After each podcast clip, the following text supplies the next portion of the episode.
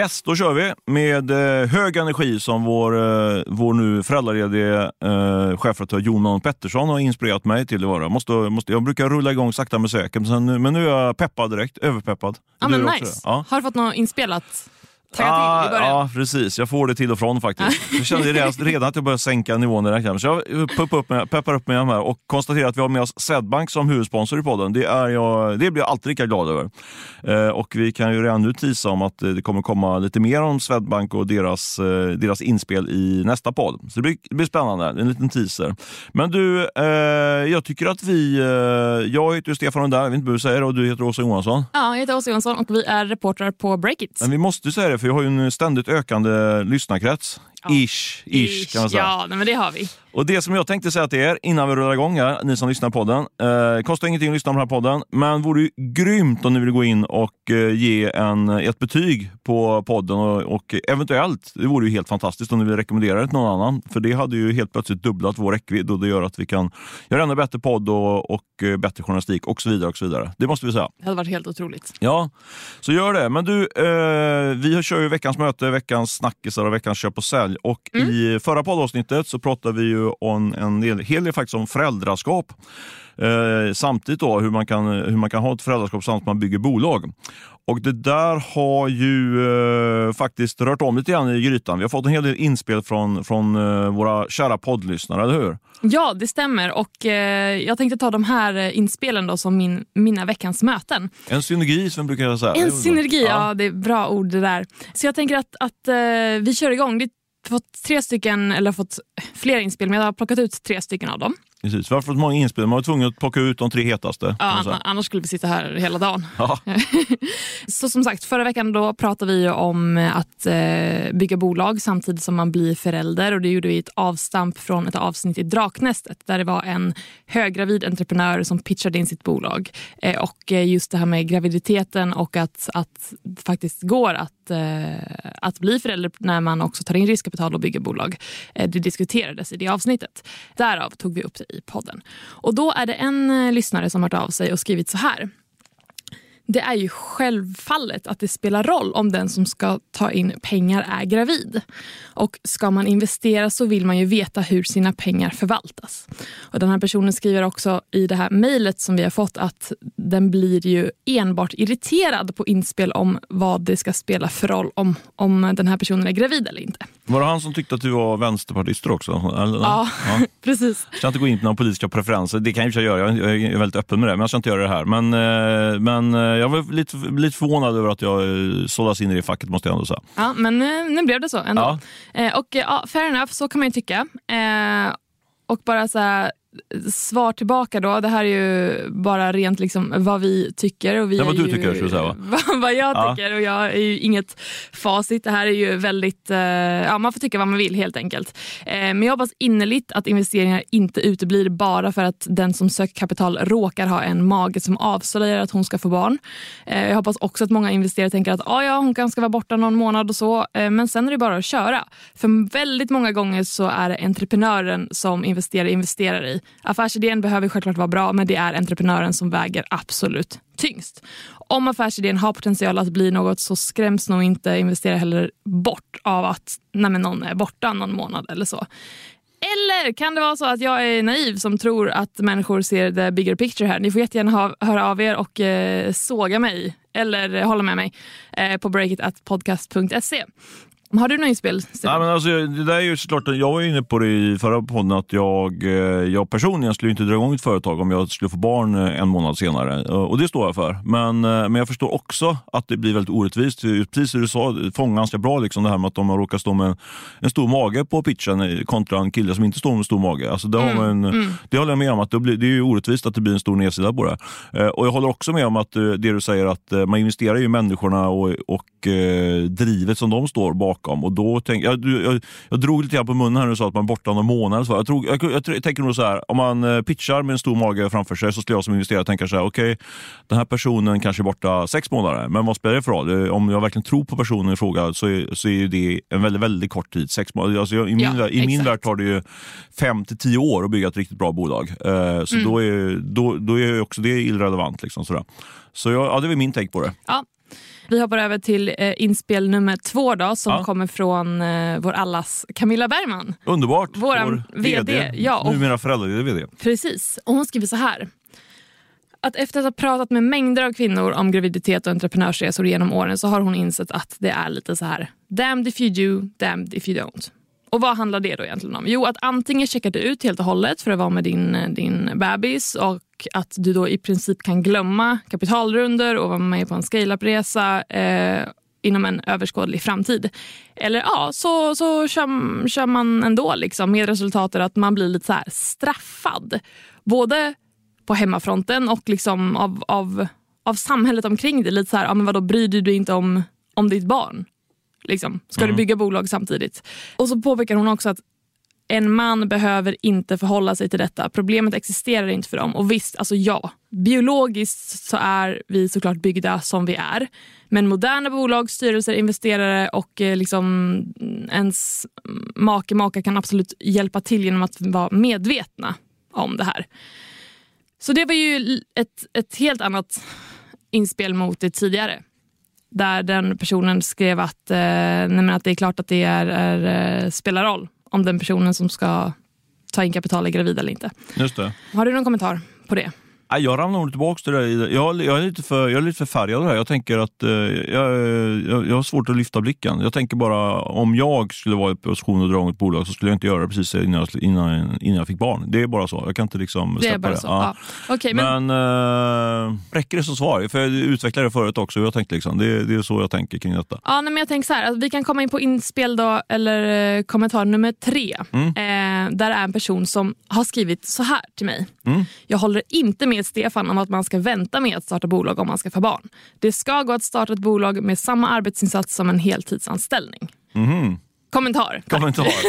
eh, nej, men hon, har, hon eller han har fel helt enkelt. Alltså, för du dra igång ett företag, kan jag säga från egen erfarenhet, då jobbar man ju inte 24 timmar om dygnet, men eh, absolut inte 8 timmar om dygnet. Verkligen inte. Det, det funkar inte. Eh, tycker inte jag i alla fall. Man ska bygga ett eh, företag som ska växa, verkligen ska bli uthålligt. Så det, det tror jag blir, det är lite naivt tror jag, att tro att det bara att man ska kunna dra igång ett bolag och, och nöja sig med 40 timmar i veckan. Eh, faktiskt. Så det, så det tror jag, det måste vara med i kalkylen. Om man, nu, om man får barn om en månad efter att man startar bolag, då får man räkna med att man kommer att få jobba sjukt mycket samtidigt som man ska ta hand om barnet. Det, ja. Men om man har ett riktigt bra team då runt sig, både på hemmafronten och när man bygger sitt bolag.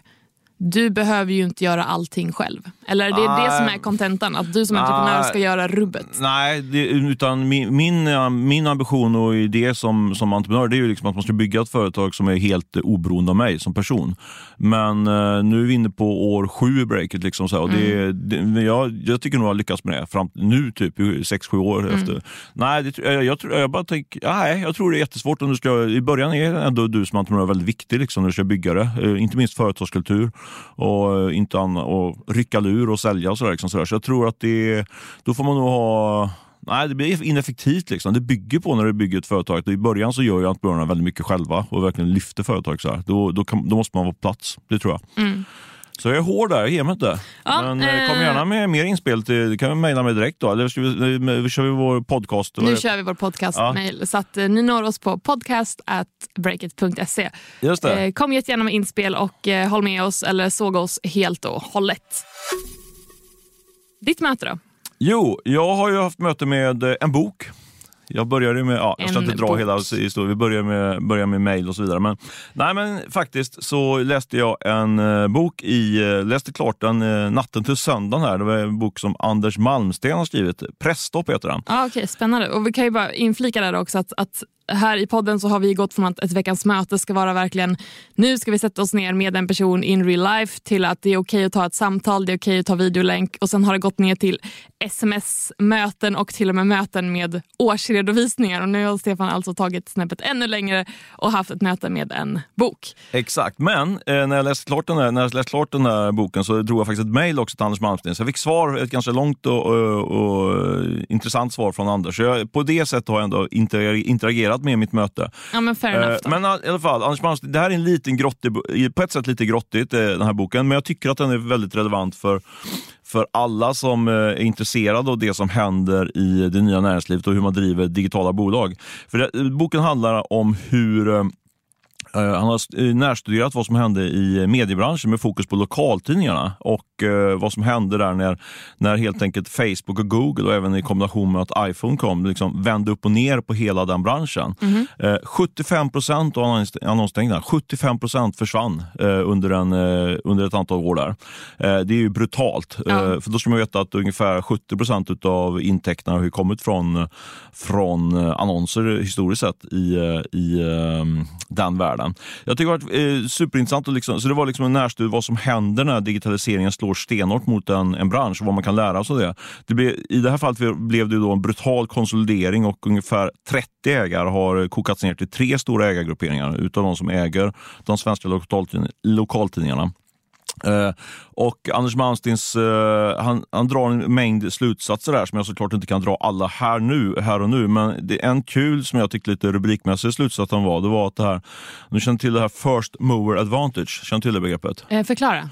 Ja, men det är liksom att man, den som är först in i en marknad, i, i en marknad som, som stöps om, ja. får ett stort, eh, stort mm. försprång. Eh, Aftonbladet kan man säga, de var ju mycket, mycket snabbare än Expressen in på att göra en, en hemsida helt enkelt. Mm. Och de har ju ett superstort försprång för dem. Eh, också, det finns massa sådana exempel. Men han menar i den här boken att eh, i, just i lokaltidningsmarknaden då fanns det ett så kallat last mover advantage. Så de som liksom satt, satt på händerna och inte gjorde någonting, inte sprang in i digitaliseringen försökte, och försökte förändra sitt bolag först. Liksom. Det var de som blev vinnare i slutändan. Eh, för det, tydligaste exemplet är ju um, Göteborgs-Postens ägare Stampen som var väldigt ja. tidiga och försökte liksom, uh, konsolidera branscher, massa lokaltidningar och sådär. Eh, de gick under, så ägaren gick i princip under. Han fick väl sig loss typ 100 miljoner i slutändan. Men det var verkligen så. Arvet försvann ju mycket för Peter Hjörne som, som var den där. Så det var mitt möte. Men en, en, en datapunkt till som jag tycker är kul att kolla med dig. Eh, du vet Metro när de drog igång, som jag läste om det här. Då, då hade de ja, ja, 12 journalister. Mm. Uh, vet du hur många uh, heltidsanställda fackliga ombud som DN och Expressen hade under samma tid? Nu hade 12 journalister i Metro några gånger så utmanade de DN och Expressen, eller DN framförallt. Um, ja, lika många kanske? 12? Ja, dubbelt så många, mer än dubbelt, 26 stycken. Oj! Vilket är helt stört är att de hade 26 stycken som bara jobbade med fackliga frågor. Men det, det kanske behövdes? Nej, det behövdes inte. Nej, kalla mig gärna fackligt fientlig här, men ja, det, verkligen. det var osjuk, otroligt sjukt. Alltså. Hur, hur många representanter från den fackliga sidan hade Metro då? Med sina 12? Ingen antar jag. Nej, ingen. Ja, Inte eh, okej. Jag sätter på mig arbetsgivarhatten. Jag tyckte det var väldigt roligt. Men du, eh, så det var, min, det var mitt möte. Jag kan verkligen rekommendera den boken. Anders Malmsten, Presstopp heter den. Även om man inte är fanatiskt intresserad av eh, lokaltidningsjournalistik så var det faktiskt en riktigt bra bok. Eh, skriv, väldigt snyggt utformad också. Sådär. Mm. Låter lite som en veckans köp nästan. Ja, precis. Faktiskt. Vi rullar vidare. Veckans snackisar, vad är det yes. vi ska hitta på där? Ja, snackis nummer ett då. Eh, vi på Breakit gillar ju bolag som växer, såklart. Eh, på bara några år har den svenska techscenen mycket av det nya näringslivet vuxit till en av de absolut mest spännande. Och igår publicerade vi en vad vi kallar för scale-up-lista för i år. Eh, och Det har ju snabbt blivit en snackis, i alla fall bland våra läsare. Eller hur? Ja men verkligen. Det var ju rätt roligt. Jag fick eh, precis att vi, jag tror högst två minuter efter, ja, kanske högt, vi säger tre och en halv minut efter att vi publicerade listan, så fick jag sms från Alexander Perleros, eh, mannen bakom Framgångspodden. Ja. Eh, han är också han är ju medgrundare och, och rätt stor ägare i det här Pensionera. Mm. Och han påpekade varför inte vi är med på listan. Han var väldigt irriterad på Han tyckte att de, de borde varit med på listan. Eh, så det säger en del om att, eh, att det är hett att vara med på listan. Fick, man säga. fick han vara med på listan? Ah, det är, under, det är under, under bearbetning. Jag tror att han har ganska dåliga odds. För det fanns, vi har ju ett antal kriterier för vad som, varför man ska vara med på den här listan. Eller vad, hur man kommer med på listan. Mm. Då. Mm. Eh, och ett av dem är att, det inte ska vara, att man ska vara, det ska inte vara förvärvad tillväxt utan måste liksom kunna växa ganska mycket organiskt och så. Men eh, det tycker jag är ett tecken på, på varför den är het listan. En annan är ju att eh, det där har man ju märkt att eh, den här listan är verkligen glödet både bland entreprenörer men också bland investerare märkte förra året. Det var många som liksom tittar på den här listan och eh, hade det lite som urvalskriterium på vilka bolag man ska investera i. Ja men verkligen och det, alltså, det är ett väldigt gediget jobb som våra kollegor Emil Widhagen och Viktor Lötner har gjort med den här listan. Men vad är det som är mest intressant i den här sammanställningen tycker du? Ja, men alltså måste, om jag börja med, med det som är lite negativt, då, så, så här, det är att det blir färre och färre på listan. Uh, det har minskat med, antalet bolag har minskat med 10% jämfört med fjolåret. Oj! Ja, verkligen. Så det, det, det är egentligen den, den mest intressanta take away från, från listan. Och Men det, har, har det varit samma kriterier förra året och den här, Ja, året? ish. Liksom. Det, det är ju lite så här, det är lite, ska man säga, eh, inte svävande kriterier, men liksom vi, vi fokar ju på, på de som, eh, som växer och Eh, och har en fungerande affärsmodell och så vidare. Och så vidare. Vi får, ni får in och läsa det själva egentligen på de kriterierna. Men det är, ambitionen är att plocka fram dem som de digitala företagen som verkligen är eh, de hetaste och mest snabb, snabbväxande just nu liksom, utifrån vissa kriterier. Så när vi gör den, och den, den typen av kriterier försöker vi försöker applicera ju samma kriterier både i år och året innan. Eh, men nu ser vi då att antalet bolag som kvalar in på de här kriterierna har, har gått ner med 10 procent. Eh, och det är väl lite en föraning av, och det är det som eh, jag läste Emils eh, analys som ska gå ut här nu lite senare idag.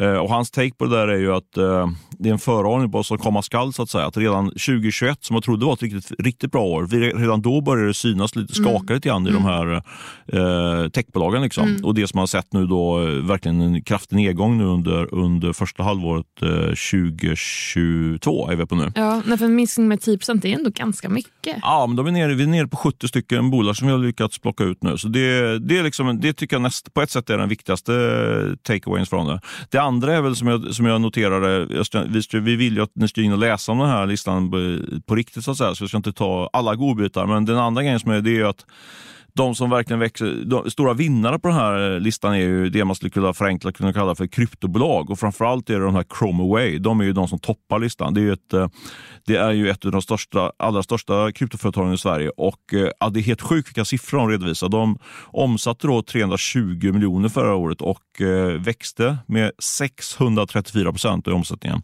Men det framför allt är ju som är helt galet är att de, de gör ett resultat på nästan 300 miljoner kronor på de här 325 miljonerna som de omsätter. What? Så det, ja, men det, det där är verkligen, och de, även de kan vi läsa mer om orsaken till att de Oj, växer så det mycket. här måste jag läsa på känner jag. Ja, det tycker jag verkligen du ska göra.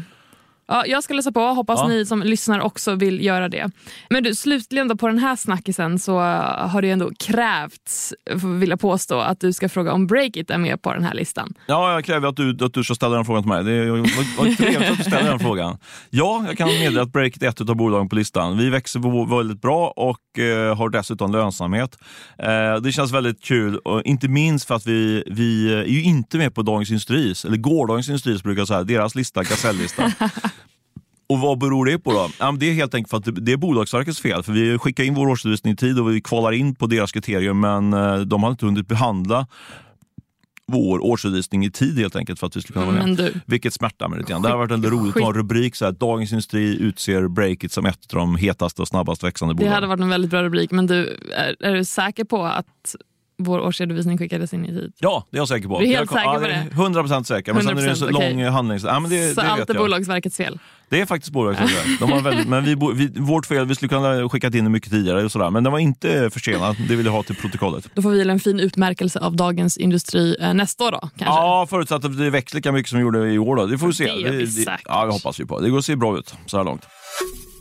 Vad säger du om att gå över till snackis nummer två? Jag är nästan övertänd för den. Ja, jag också. Alltså, jag har tänkt på det här sen i måndags morse. Särskilt som, vi, som jag vet också att vi ska börja bråka också. Ah, det eller här kommer bli så bra! Okej, håll i nu. Veckans snackis nummer två är The Playlist, Netflix-serien om Spotify och den släpps idag. Och Det är i, alltså berättelsen om, om eh, vad som hände. Hur grundades Spotify? Och den här är, eh, serien baseras på boken Spotify inifrån som är skriven av journalisterna Jonas Leijonhufvud och Sven Karlsson.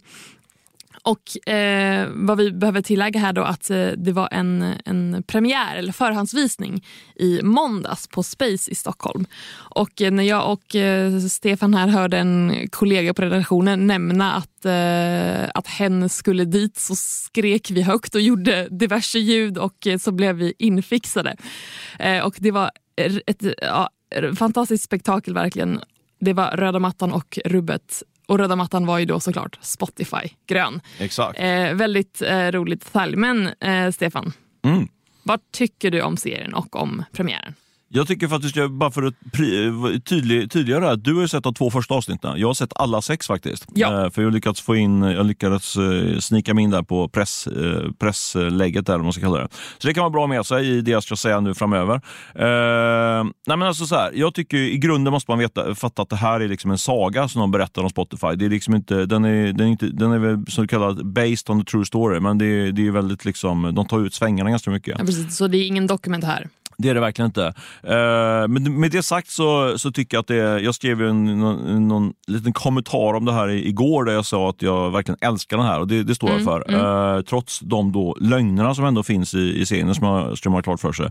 En sak som jag tycker är jättebra, snyggt gjort är, är det här uh, greppet att man gör sex olika versioner av samma händelseförlopp egentligen. Man får följa Daniel Ek, Martin Lorentzon, eh, Andreas En eh, och eh, den här juristen som jag glömt namnet på nu och eh, vad heter han? Per Sundin också. Mm. Eh, och sen också en, då en uppdiktad person. Per Sundin är skivbolagsdirektören då, som är tidigt med på, på Spotify-tåget. Och sen är det en helt uppdiktad person som är en musiker. Då.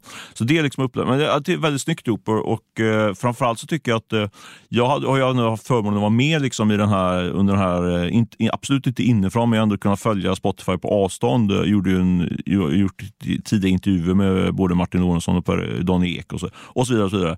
Och jag tycker att man fångar tidsandan väldigt bra. Det, det tycker jag är väldigt mm. bra. Så det, dels känns det väldigt påkostad, eh, vilket är kul. Det känns lite så här taffligt som det kan vara ibland på se, svenska serier. Liksom, så här. De, de har liksom fläskat på så det känns liksom dyrt, hela produktionen. Ja, det gjorde det. Det var ja. ju Ja, men väldigt välgjort. Ja men verkligen och det kändes liksom väldigt autentiskt då med, med de här tidsmarkörerna och framförallt då som jag älskar när det verkligen funkar. Ja, eh, jag brukar säga, du vet, så när man, man ser, en artikel, ser en film om, som handlar om mediebranschen brukar man alltid sitta och vrida sig lite grann. Det är lite mm. pinsamt så här, mm. att de inte hit, riktigt, hittar, riktigt hittar tonaliteten. Men det som man eh, jag och tror många som kommer se den vill ju bara, kommer ju vilja säga jag vill starta, jag, jag, vill, jag vill dra igång något eget själv. Liksom. Man får den här startup-känslan, den här nerven, den här energin liksom, tycker jag, när man ser serien. Det gillar jag verkligen. Ja, men den, nu har jag sett två av sex avsnitt och ja. de två då som vi fick se i måndags på den här förhandsvisningen.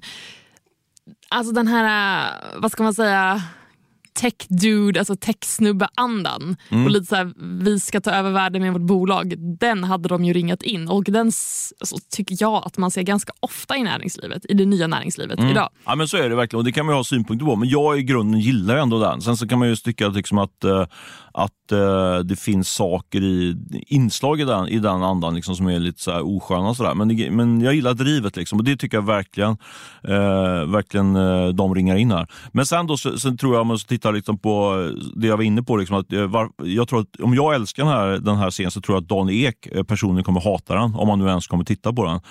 För han, han än en gång då, jag har sett hela, för, för, mm. i första avsnittet så är, när det är det Dan Eks version, då är han ju ändå ganska, ganska skön. Liksom på något sätt. Ja. Eh, men sen blir det, utan att, utan att spoila här, då, så han, får ju, han, han kommer ju sämre och sämre ut ur serien ju längre serien går. Då. Särskilt i sista avsnittet så, så är det ju ingen höjdare. Och jag var framme och snackade med Per Sundin då, som, som, eh, som jobbar på ett av skivbolagen som var först med att signa på för Spotify. Eh, och Han var ju också på den här premiären och han sa ju själv då att eh, han hade han också sett hela serien och han tyckte, jag håller med om mycket. Han sa att han gillar hela serien eh, men eh, han tycker inte att den versionen eh, av, eh, av Dan Ek stämmer. Han sa att han framställdes ju på, som en, mer eller mindre som en skitstövel. vilket är ganska hårt. Då. Men, men ja, det, en sak till där tycker jag också var intressant med Per Sundin. För mm. han, han satt i lokalen, vi satt ja. ju i hans lokal till och med, i ja. pop Pophouse. Ja.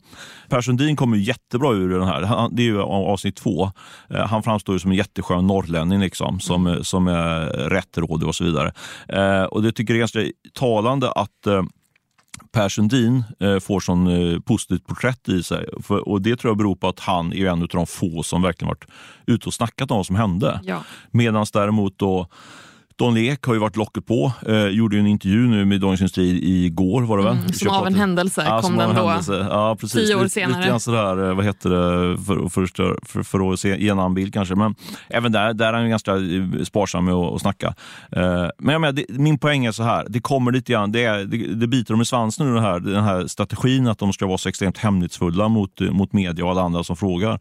Då, blir, då, då skapar man ju sig en, en egen bild av det och då är det lite grann upp till till de som gör serien och, och sätta sin bild på det. Så lite får man skylla sig själv kan man tycka. Ja, Ja, okej, är du redo för mothugg nu då? Ja, men absolut. Jag har ju ingen aning om Daniel Ek kommer titta på det här eller inte. Men om han gör det så tror inte jag att han, även om han porträtteras som ja, i breda penseldrag megaskurk här. Ja, det gör så, inte, men- nej, ja, men ja. som li- lite av en bad guy. Ja. Liksom, jag tror inte att han kommer bry sig särskilt mycket. För om, eh, om han står fast vid att nej, men det här är inte alls vad som hände. Varför skulle han bry sig? Han har skapat ett imperium. Han har förändrat musikindustrin eh, och branschen i grunden. Han har gjort sitt. Och det är klart att man påverkas av kritik. Men jag tror att det här kommer rinna av honom ganska snabbt. Och någonstans så tror jag också att jag tror att han gillar det här ändå. Även om han inte gillar serien så gillar han att man gör en serie om Spotify. För det sätter en sån himla stämpel på hur stora de faktiskt är. Nu ska vi bråka här. Nej, jag Ja. tror du har helt fel, jag tror du har helt fel där. För han är ju i grunden en väldigt introvert person. Alltså. Och han, har ju, han har gått igenom nästan som en personlighetsförändring tycker jag, Daniel Ek, när, jämfört med när man träffar honom i the early days. Så att säga. Jämfört, och nu ser man honom på scen då, i samband med, med eh, olika prestationer och sådär. Men det är väl självklart, det har gått ganska många år.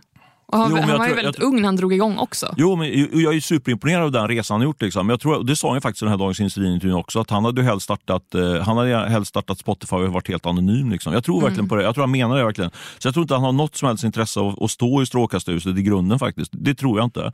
Det är vad jag tror. Du, Ja. Jag kan fel. Liksom. Nej, men han kanske Eh. inte njuter av att stå på scen, och, eller kanske inte, uppenbarligen så gör han ju inte det. Eh, tänker jag. Men det betyder ju inte att... Alltså man kan gilla uppmärksamhet även om man inte behöver kommentera den. Mm. För nu det har gått så himla många år. Han har varit med i, i några poddar, han har varit i, i internationella medier men med svenska medier har han i princip nästan bara eh, pratat när de har släppt kvartalsrapporter och det har varit väldigt så här, alltså, mediauppstyrt. Det har inte varit det här man sätter sig ner, man snackar, man får liksom en känn på vad är det här för människa. Liksom. Utan det blir väldigt mycket bolag, bolag, bolag liksom hela tiden. Eh, och det är ju såklart intressant men man behöver ju också veta vilka är de här bakom? Vilka är det som har byggt upp? Det är det jag tror. Jag tror verkligen inte... Jag tror, att där tror man ändå får tänka, att de tänker själv. Liksom. Man får, tänk om de gör en serie på Spotify eller på Netflix där du målas upp som en, inte som en skurk, men som en ganska lite oskön person. Liksom. Det är ju det som kommer sätta sig bland den breda massan. Liksom. De, för de kollar inte på kvartalsrapport och de läser, Nej, inte, nej. de läser inte heller faktiskt de stora porträtten i det weeken. Liksom. Det, är så, det är lite grann mannen på gatan. Liksom. Och det, tycker jag, det skulle jag personligen tycka är skittråkigt, liksom, att det sätt, sig fast en bild som är ganska fel liksom, av, av en sån person. Det, det tror jag, liksom, när han går där ute i Djursholm, liksom, så här, folk börjar liksom, för det, det, det, alltså, Netflix har så himla stort genomslag. Liksom, så Ja. jag tror att det, det tror jag man skulle hata. Ja, men där är jag med dig. Men å andra sidan, why would he care? Det är så här, han har sin familj, han Mm. har sina närmaste, han har sitt nätverk. Vad mer behöver han ha? Om folk som tittar på den här serien i slutändan tänker att men gud vad är han för lirare, det här vi ju stört oskön. Ja, så på, vad spelar det, där roll? säger bara att du, det säger bara att du har en otroligt bra självkänsla, du Åsa, personligen. För jag tror att många är jätte, jätteberoende på vad folk på, tänker om en, Ja, även men, ja, bredare men det, det är klart man gör det, men jag tänker så här, okej, det har gått så många år sedan han drog igång Spotify tillsammans med resten av Mm. teamet. Han har haft så otroligt många chanser på att bygga storyn om sig själv och om bolaget, men han har inte gjort det. Jag tänker så här, tiden har gått för långt. Han kan komma ut nu, han kan skriva en egen bok, han kan göra rubbet. Tåget har gått. Det Mm. är för sent. Han äger inte sin egen story längre. För Du måste vara snabbare på bollen. Och Det är inte så att oj, han hade ett spann på en vecka på sig. Det har gått många, många, många år. Ja, ja, nej, men det håller jag med om. Det, han får lite grann skylla sig själv. Men jag tycker, det han ska göra det är att liksom ringa mig, så skriver jag hans självbiografi. Jag tycker han ska ringa mig så skriver jag hans självbiografi. Det hade blivit jättebra. Det, det tror jag han skulle ta, där, där har han fortfarande chansen att, att styra om. Liksom. För jag såg ju den här, jag, jag såg ju den här um, vad heter den? The Social Network med Mark Zuckerberg. Ja, den är stört bra. Den var ju superbra, Ja. men då tänkte jag när jag såg den tänkte jag så här. Och fy tusan vad tråkigt för Mark Zuckerberg. Liksom. För nu har det satt sig, den här bilden kommer ju aldrig kliv, försvinna från Nej, honom. Liksom. nej, jag har kvar samma bild. Ja, men inte jag faktiskt. För jag, att- har du pratat där- med honom? Nej, det har jag inte. Men jag har liksom läst så pass mycket annat liksom, Ja. fått en annan bild av honom. Han är ju inte så att han är någon nice guy. Liksom. Det finns en massa problematiskt i honom. Så här. Men, men jag tycker ändå att den, den har tonat bort för mig. Liksom, så här. Så jag tror ändå det finns, för att gå emot det ännu en gång, då, så jag tror ändå det finns en. Nej, jag tror, han har fortfarande chansen, Dan Ek, om man liksom tar initiativet igen. Liksom. Och än en gång ringer mig eller någon annan och skriver en riktigt bra bok om det. Daniel, om du lyssnar, ring mig istället. Gör det. Gör det. Vi måste sätta några hårda betyg då. Och nu får inte vara för hås här, men vad sätter du för betyg efter, att ha sett två avsnitt? Alltså, jag sätter en stark fyra av fem. Mm. Eh, men det är också så här, jätte, alltså, jättebra serie. Jag tittar typ aldrig på tv eller serier. Så att, att jag är hooked tycker Mm. jag säger någonting. Eh, för att sätta mig själv väl på en väldigt hög pedestal här. Ehm, men så var det också, visst vi satt där och såg den här i ett sammanhang. Det var massa kändisar överallt. Jag pratade med regissören också och det var ju väldigt häftigt. Det var väldigt stämningsfullt, så att det påverkar också såklart. Sen har jag också granskat Spotify tidigare i år om fejkade streams. Eh, självklart ville de inte svara. Eh, söker er fortfarande Spotify, ni får jättegärna komma med en kommentar. Och sen är det också så här, ja, men, jag har läst boken tidigare, jag har jobbat med både Jonas och Sven. Eh, och sen så tycker jag också att det här är ett så himla bra exempel på när näringslivet berör exakt alla, även om man inte tänker på det, även om man inte bryr sig. Eh, för Spotify finns i så himla många mobiltelefoner och eh, laptops och eh, det är en väldigt stor del av folks liv även om man kanske inte tänker på det. Eh, det blev en lång utläggning men en stark 4 av 5. Okej, jag ska vara kort. Stark fyra och fem säkert. Så, Inte femma. Femma det, det väntar jag tills eh, Femma är typ det boken bästa om någonsin. Dan Ek kommer. Den riktiga boken. Skriven av dig. Nej, men eh, jag tycker faktiskt man ska se den där. Så om man lyssnar på den här podden då är det lite grann obligatoriskt att man ser Spotify-serien, tycker jag. Och även där får ni snart eh, höra av er. Det kanske är så att, man, att vi blir lite blown away. Jag tänker helt fel, så det vore faktiskt jätteintressant att få lite, en lite motbild, alternativt att ni håller med oss. Eh, Så mejla och säg vad ni tycker. Nu rullar vi in på veckans köp och sälj. Eh, Och eh, jag börjar faktiskt med veckans sälj, om det känns okej för dig. Låt höra. Jag sätter en, en säljsignal på, på den väldigt anonyma eh, Styrelseakademin i Stockholm. Jaså? Tråkigt va? Riktigt Ja, tråkigt. nej, alltså jag blev typ trött nu. Helt rätt. Förklara mer. Ja, men det är bara ett sätt för mig att få snacka lite grann om Susanna Campbell eh, som, eh, som i veckan då har blivit nominerad till det som kallas för Guldklubban utav Styrelseakademin i Stockholm. Eh, det är ju Dagens Industri ställer ut den här till bästa styrelseordförande. Tycker det är intressant att hon, samma vecka som hon får den där eh, nomineringen då, så, så framkommer det att hon eh, slutar som ordförande, styrelseordförande i Northvolt. Och hon har ju på kort tid slutat som styrelseordförande i det här sportvarumärket, jag tror man säger Rönisch, alltså en babyshop. Och även Estrid, ursäkta mig, som gör såna här rakhyvlar. Eh, det där får mig att fundera på vad är på gång. Liksom? Är det bara som Susanna Campbell säger att eh, hon eh, måste dra ner på sin arbetsbörda eller något annat? Alltså Babyshop har ju varit en riktig katastrof.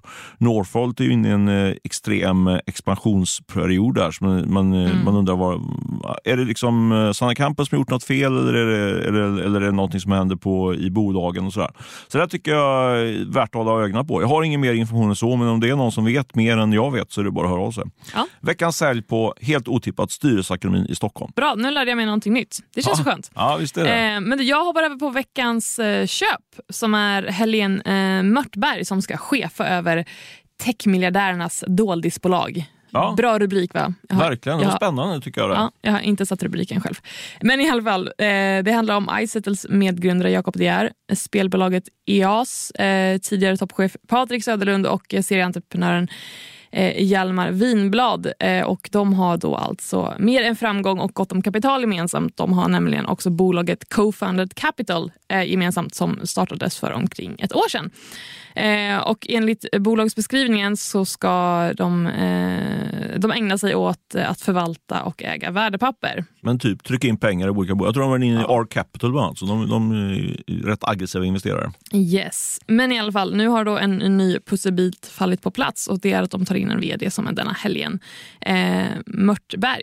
Och eh, enligt sin LinkedIn-profil så har hon 15 års erfarenhet från eh, kapitalförvaltning i både Europa och Asien. Så ja, spännande grejer. Mm. Henne ska vi följa, borde vi göra en intervju med. Vi Ja, fick inte tag på henne när vi skrev den här nyheten. Men, Det skulle eh, bli en bra helgintervju faktiskt. Mm, verkligen, det ser, du, du får ta den pucken. Ja, jag fixar. Du, rullar du på på veckans sälj då, eller ska jag ta veckans köp? Mm, nej men jag kan köra. Har Ja. sånt flow här. Och, eh, vi sätter sälj på Klarna som bråkar med facket. Och vad är då detta? Jo, eh, förhandlingar mellan den här eh, fintechjätten Klarna och fackförbundet Unionen har nu brakat samman. Ehm, och nu säger Johanna Green som är pressekreterare på Unionen att eh, nästa steg är att stämma Klarna i domstol. Eh, men att de i dagsläget, eh, ja, nej, men att det, det är lite för tidigt för att säga hur de, hur de kommer göra det här och om de kommer göra det. Ehm, och bakgrunden till de här förhandlingarna är att Klarna i våras tog fram ett sparpaket som innebar att personalstyrkan skulle minska med 10 procent och eh, fackliga representanter fick inte veta på förhand om de här förändringarna.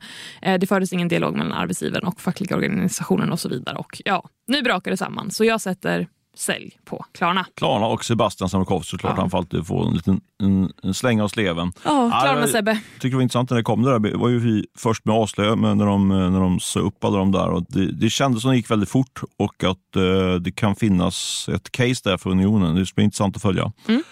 Veckans köp rullar jag på på. Då. Eh, jag sätter köp på Johan Elvesjö. Han är grundare av Tobii Eye, eller Tobii, jag lär mig aldrig hur man säger. Men eh, Aldrig hört talas om. Jo, de är börsnoterade. Ett utav, det var ju typ en unicorn. Eh, har en väldigt spännande ögon igenkänningsteknik. Mm, ja, då borde jag bättre får du läsa på, på Ja. framöver. Men det ska inte gå in på dem jag, för men, men han har byggt upp det här bolaget och eh, drog igång eh, riskkapitalbolaget Brightly Ventures här nu för några, ett par år sedan. Ja, Och där har det varit lite snack om att de skulle, man vet inte vad som skulle hända riktigt. De skulle inte, dra, de skulle inte sätta om någon ny fond och de, det känns som de lite grann i tysthet eh, lägger ner Brightly Ventures. Lite oklart, men eh, det där har liksom legat på min radar. Jag har försökt lite koll på vad, vad som egentligen hände.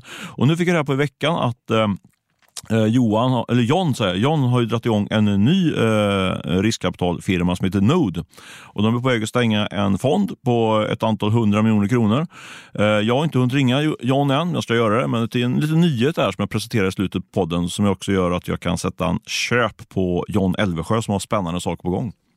spännande. Ja, Hoppas han svarar. Ja, det tror jag. Han brukar. Han verkar bli väldigt enkel att få att snacka när man väl får tag på honom. Du, eh, nu ska vi snart stänga ner podden, men jag har en liten, en liten bonus faktiskt. En liten bonus. Mm. Vill du veta eller? Eh, alltså jag har ju verkligen ingen aning om vad det här är. Ja, kör. Ja, men Jag du kan ju inte säga nej. Du känner ju, nej, det tycker jag inte. Nej. Vi har ju, vi har ju alltså, eh, Breakit-podden har ju kanske Sveriges eh, mest initierade och tyngsta lyssnare i, eh, i segmentet tech och det nya näringslivet. Och eh, därför tänkte jag passa på att och säga till alla ni som lyssnar här att har ni lite pengar över, inte, nu ska jag inte sälja på er något, eh, något premieabonnemang här, för det har ni ju redan såklart. Nej, men så här är det. Vi kör ju Shift för tredje året i rad och Shift innebär ju att vi ska koppla ihop riskkapitalet med de vassaste och mest hungriga entreprenörerna i förorten. Och eh, nu kommer vi göra om eh, upplägget lite grann och då söker jag faktiskt eh, just dig som lyssnar på det här och om du är en duktig investerare. Då kommer du få möjlighet att kunna vara med i vår, vår Shifts investerarpanel. Upplägget är så här att man chippar in 200 000 i form av Eh, stipendium till, till några av de här entreprenörerna. Men man får också möjlighet att investera eh, en eh, rejäl summa i något av de hetaste och bästa bolagen. Så man kan säga att vi gör sourcingen eh, av eh, eh de bästa bolagen. Vi börjar med ungefär 500 bolag och sen så kokar vi ner dem till 10 bolag. Så det är en, en extremt bra eh, process som man slipper göra själv helt enkelt. Är du intresserad av det här och även vara med och bidra till att få, och få lite bättre fart på, på det positiva strömmarna i för, Sveriges förorter, då tycker jag att du ska slå mig en snal eller alternativt enklast kanske dra ett mejl till på stefan.breakit.se. Stefan.breakit.se heter det. Det var mitt budskap. Är du, är du sugen på att gå in i den här panelen? Du sitter ju på en del, hel del pengar ryktas det om. Nej men, är det Ja. snacket på stan? Att jag Ja. är stormrik? Du är stormrik Då, i det tysta. Stormrik i det tysta, vilken härlig rubrik. Jag tänker att mystiken får leva vidare helt enkelt, så lämnar jag det okommenterat. Ja, men det låter bra. Det låter bra. Men om du, om du skulle vara rik, då hade du gått in i den. Eller, eller om du Ja, nu är... kan jag ju inte säga någonting. Nej, just det. Just det. Jag försöker bara lura in det där. Ja, nej, men vi får se. Vi får se om du, du, du får, kan mejla mig anonymt i sådana fall. Ja, men du, eh, nu sluddrar jag, sluddrar jag massa här, men eh, vi säger väl helt enkelt tack och hej och hoppas att vi eh, hörs, hör, lys, återkommer till lyssnarna i nästa vecka. Det låter bra. Tack och hej och vi hörs.